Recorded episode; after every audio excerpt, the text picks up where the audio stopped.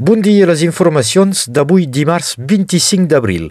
Nicolás Garcia, president del Sindicat d'Aigues Subterrànies de la Plana del Rosselló, alerta del perill de bombar massivament dins les capes profundes.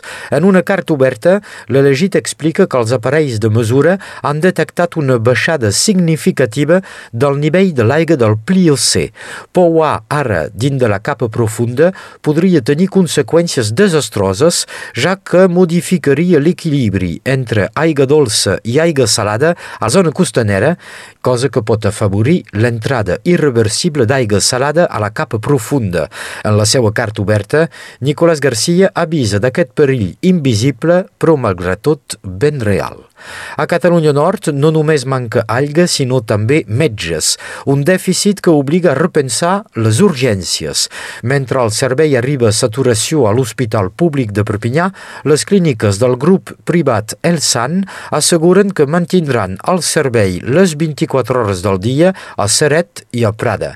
A Catalunya Nord es posa en plaça una nova cartografia de les especialitats dels centres de salut, una eina que guiarà el SAMU en encarregat de transportar els pacients. Aquesta mesura s'acompanyarà també d'una campanya d'informació perquè el públic deixi de pensar que anar a urgències o telefonar als bombers són l'únic recurs en cas de problema. La clínica Sant Pere de Perpinyà podria tornar a cobrir les urgències a les nits a partir del mes de juliol. 11 milions d'euros és el preu amb el qual s'acaben de vendre els 23 locals comercials de la Galeria del Centre del Món a l'estació de Perpinyà.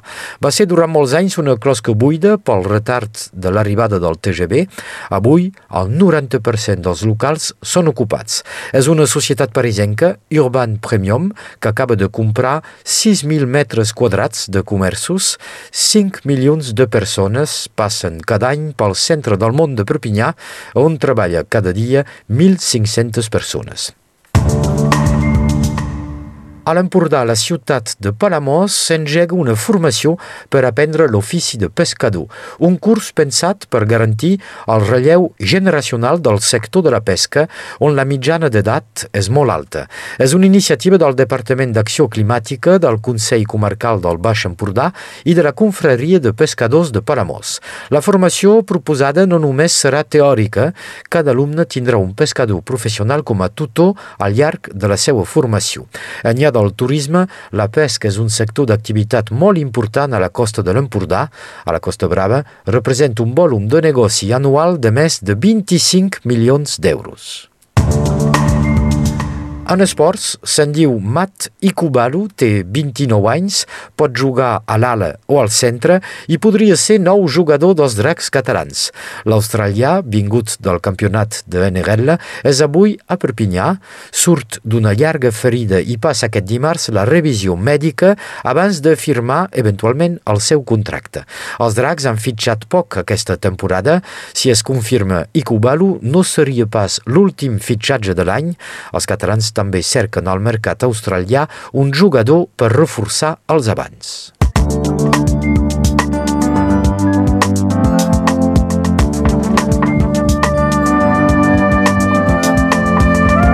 Moltes gràcies, Sebastià. Passem ara a l'informació del temps amb Meritxell Cristòfol.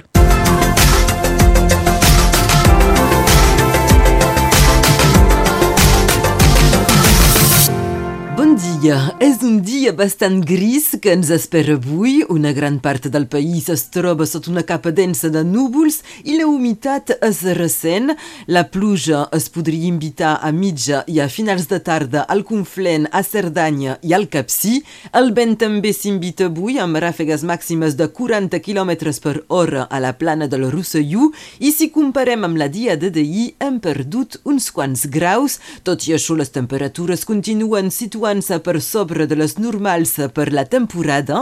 Aquesta tarda es preveu màximes de 18 graus a Argelers de la Marenda, 17 a Perpinyà, 16 a Puntellà i a Costuja, 15 a Canavelles, 14 graus a Vingrau i a la Tor de Carol, 13 a Mulitx i 9 graus a Font-Rabiosa.